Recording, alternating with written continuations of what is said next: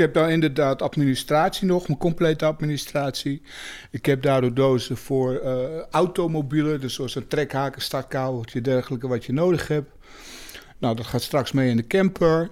Ja, wat ander materiaal, zeg maar, dat is voor de Unimog. Dat gaat straks naar een maatje van mij.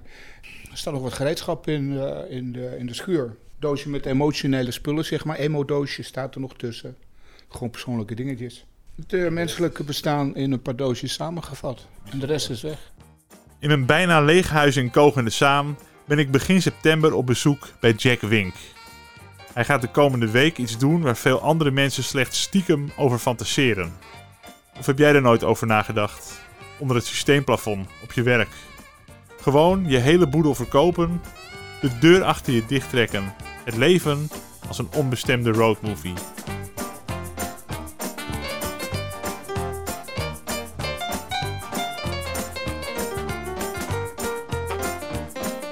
Waar kijk je het meest naar uit? Dat is een van de dingen waar ik wel. Ik ben in Duitsland opgegroeid. Ik heb er heel lang gewoond, ook uh, als, uh, als uh, jonge man.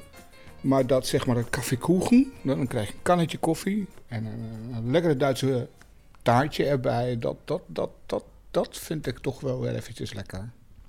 Dan ook de echte Wiener Schnitzel, zeg maar. Met een Duitse patatje erbij, biertje. Ik geniet. Wat ga je doen de komende tijd? Ik heb mijn huis verkocht. Laten we dan ga ik even een tussenstationnetje maken. Maar ik, de bedoeling is, en dat is waar ik heen ga... ik ga een camper kopen en dan ga ik gewoon een jaar lang door Europa reizen. En ga ik gewoon bepaalde punten af, waaronder Duitsland. Gewoon reizen. Ik heb bepaalde punten van interesse die ik wil zien. Bijvoorbeeld in Frankfurt of in Leningrad. Steden waar ik gewoon een keertje heen wil. Rome, Lissabon, noem het maar op. Gewoon die grote mooie steden. En hoe is het zo gekomen dat je dan je huis daarvoor verkoopt? En dat je zegt, ik ga niet een keer op vakantie naar Lissabon, even een weekje gezellig met een leuk iemand, even een stedentripje. Maar ik ga echt uh, helemaal weg uh, van Nederland rijden en uh, ik, ja, eigenlijk een beetje de, de, de vrije baan op zo. Ik heb eigenlijk dit huis gekocht zodat ik mijn zoon op kon laten groeien. Ik had toen ook goed werk. Ik heb ondertussen een burn-out gekregen.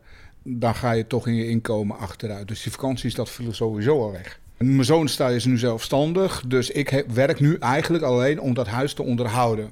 Ja, daar word ik niet gelukkig van. Dus ben ik op een gegeven moment gaan nadenken, wat wil je? Ja, dit niet echt. Maar wel reizen, dat heeft er altijd in gezeten. Dus gewoon even weg, reizen. heb ik op een gegeven moment het besluit genomen, ik ga mijn huis verkopen.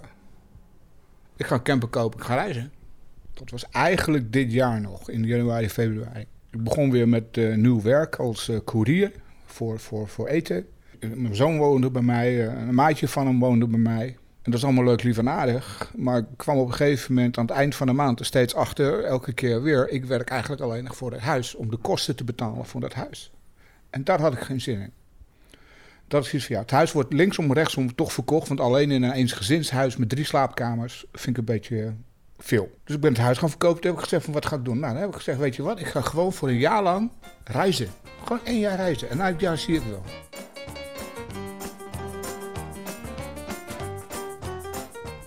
Het heeft aan de andere kant altijd een beetje ingezeten. Um, um, altijd een beetje reizig geweest. Altijd onderweg geweest. Een van mijn opa's is na de Tweede Wereldoorlog, terwijl hij getrouwd was met kind, een jaar lang weg geweest en heeft gereisd met een circus. Het zit waarschijnlijk in elk geval in de genen. De andere opa, die stond met twee van zijn maatjes voor de oorlog, dus in de jaren 30, uh, in Den Haag bij de Amerikaanse ambassade. Wij willen naar Amerika, we willen een visa. En toen werd er gevraagd van, ja, wie van jullie heeft een visa of werk? Nou, één zegt, ik heb, ik heb, ik niet. Jullie drie naar huis, komt later maar weer terug. En zo doen dus mijn opa, die opa, in Nederland gebleven. Zit het in de genen? En je zegt al, je hebt voor je werk ook veel gereisd. Wat deed je? Ja. Toen was ik uh, röntgenmonteur. Ik werkte in uh, Duitsland, in Beieren, in München. Eigenlijk was 200 kilometer naar oosten, 200 kilometer naar rechts uh, of naar het oosten, westen. Was gewoon mijn werkgebied en ik installeerde röntgenmachines. Gewoon bij artsen, ziekenhuizen enzovoort. Dus door de week was ik altijd weg. Ik was alleen 's weekends thuis. En dan leer je de weg wel kennen? Daar leer je de weg wel kennen met en zonder kaart en GPS en weet ik veel. Ja. Wat heb je geleerd van het leven langs de wegen? Het is vaak uh, onderweg wat eten, uh, hotelletjes, dingen. Wat voor, in wat voor leven beweeg je je dan? Dat is wel leuk. Want aan de ene kant zit je in een uh, klein dingetje van 10 mark per nacht. En dan heb je een steenkolen verwarmingje, zo'n dingetje, of op olie. En een week later zit je gewoon in een, in een, in een vier sterren uh, hotel. Het leukste vind ik nog steeds dat ik bij dat pizzeria overnachtte. Dat, dat was ik uh, eens in de twee weken thuis. Die pizzeria had een paar kamertjes in de verhuur. Dus ik kwam s'nachts om negen uur binnenvallen, kreeg te eten, kreeg een biertje zonder een woord te zeggen. Gewoon dat menselijke, dat communicatie. Hoe. Ja, de menselijkheidsfactor. Dat heb ik daar leren kennen. Hoe mensen zijn. Mensen die van huis en haard zijn, maar ook de andere kant van de bar. De kroegeigenaar, de pizzeria-eigenaar. Die jonge man, die jonge vrouw die daardoor zijn haar werk staan te doen in dat deluxe restaurant, die praat ze op een normale manier aan en je krijgt een normale reactie terug. Dat is het. Eh. Ik heb vandaag een volmacht uh, ondertekend, zodat ja, de notaris dat af kan handelen. Je kunt niet meer persoonlijk de sleutel overhandigen. Vind ik jammer. Dat is weer dat stukje menselijke wat ik mis in deze proces. Maar goed, woensdag uh, stap ik dus in mijn trein op dat moment. De laatste doosjes zijn dan al eigenlijk in, in Oorschot. En dat is het moment dat ik echt vertrek. Wat ga je doen? Je gaat eerst naar Oorschot. Ja. En waar verblijf je dan en wat ga je doen? In Oorschot heb ik een, een, een, gehuurd voor drie maanden. En op dat moment kan ik mij echt focussen op het, het, beginnen met de reis. Dus ik moet een camper kopen, ik moet me voorbereiden. Wat voor camper wil ik? Uh, waar moet ik aan denken? Verzekeringen? Moet ik wel of niet rijles nemen? Maar ook welke doelen ga ik eigenlijk uh, echt aan? Welke steden ga ik aan? Reizen, wat kan ik daarop bezichtigen? Waar moet ik op letten? Ik heb in, in Europa is callcenter gewerkt. Dus ik ga allemaal collega's, oud-collega's aanspreken. Waar weten jullie iets? Ja, die wonen, die wonen nu ook weer, een heleboel wonen weer terug in hun, oorspronkelijk land en kijken wat de reacties worden. Twee bestemmingen heb ik een verhaaltje bij. Eentje is in Bingen, vlakbij Frankfurt. Daar staat een kasteel of een monastery, op zijn Engels gezegd. En daar heeft in het jaar 1100 en nog wat, een, eh, een non heeft dat uh, gesticht tegen alles in toen destijds.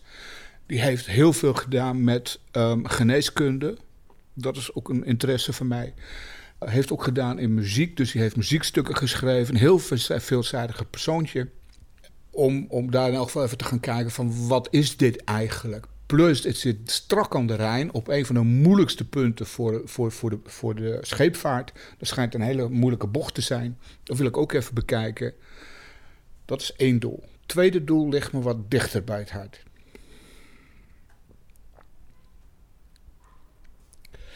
Ik heb gezegd, ik heb in Duitsland gewerkt als röntgenmonteur.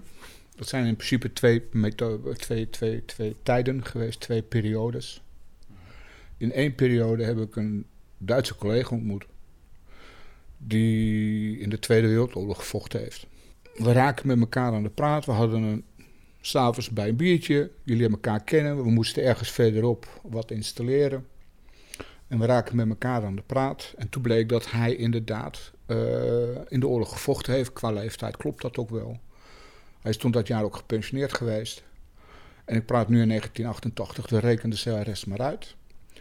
En die man heeft zowel in Nederland gediend, ook tegen het verzet geweest, ook iemand moeten doden voor zelfdefense. Maar hij is ook in Leningrad geweest. En in Leningrad in Duitsland is een bekende um, battleground geweest. Waarom?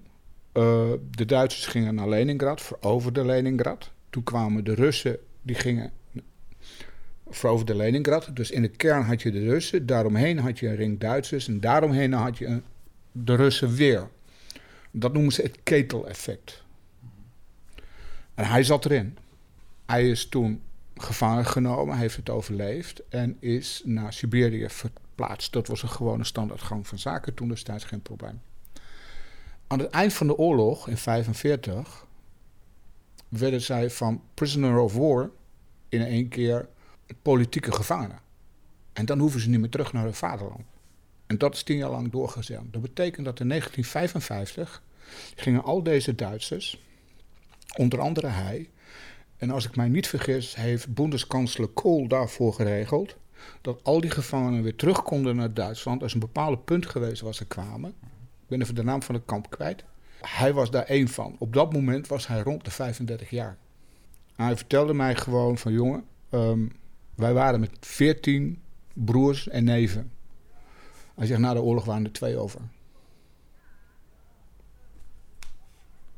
Goed.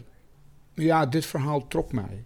Aan de andere kant zijn we allemaal uh, Zaandammers. Dus Zaandam met uh, Leningrad, dat heeft natuurlijk ook met de boten een, een, hele mooie link. Ja, we hebben niet voor niets daar op de Dam uh, deze standbeeld staan. Dus ook dat wil ik dan ook gelijk bekijken. Dus ja, het tweede ligt mij toch heel, heel, heel na. Ja. Het is een hele goede vriend van me geworden. Hij heeft mij als uitzondering bij hem in zijn huis uitgenodigd. Daar heb ik voor het eerst een hele echte radler gedronken. Ja. Uh, met de juiste ingrediënten. Ik zeg gewoon hele goede vrienden geworden. Alleen of hij leeft, het contact is verloren, verwaterd, of hij leeft, ik weet het niet meer. Ja, dat is eigenlijk een hele persoonlijke zoektocht ook. Uh, ja. Je gaat natuurlijk niet alleen zomaar reizen. Er is altijd een uh, soort verlangen voor het onbekende of bepaalde dingen ontdekken of die je altijd nog eens wil uitzoeken. Ja. Als je toch die kans krijgt om te gaan reizen. En wat bijzonder dat je die kans nu toch echt hebt en dat je dat gewoon gaat doen. Ja, ja het is, het is um, um, um, op een gegeven moment moet je gewoon doen. Ja. En angst houdt iedereen tegen, iedereen weet dat. Maar je moet op een gegeven moment gewoon doen. En bij mijn ervaring is dat de eerste stap, dat is niet alleen besluiten dat ik het ga doen, maar ook de stappen van ik ga dat kopen, ik ga dat verkopen, uh, ga met een rugzak reizen. Moet je eerst een rugzakje kopen. Ja.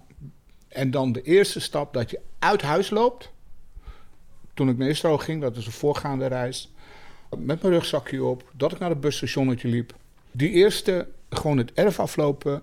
Dan ga je naar het busstation. Goed, dat is allemaal nog een bekende omgeving. Alleen ik ging nooit met de bus. Dus op het moment dat ik in die bus stapte, met die rugzak achterop, besefte ik, ik ga nu echt reizen. Ging naar uh, Heerenveen, naar het treinstation. Daar gaat het niet om. Maar je bent op dat moment onderweg. En dat is de eerste set. En ik, ja, als jij echt wil, dan moet je het gewoon doen. Neem die stap.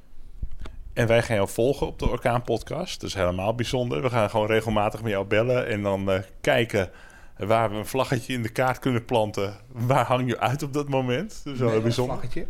Een Nederlands vlaggetje, ja. De Zaanse vlag gaan we eigenlijk uh, vers, vers, verspreiden.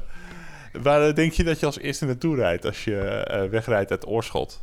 het eerste waar ik heen ga is Bingen. Bingen is dan bij Frankfurt. Het is in Duitsland, het is voor mij bekende terrein. Het is op de autosnelweg, dus het is niet al te glad enzovoort. Op dat moment naar het noorden rijden lijkt me niet echt handig.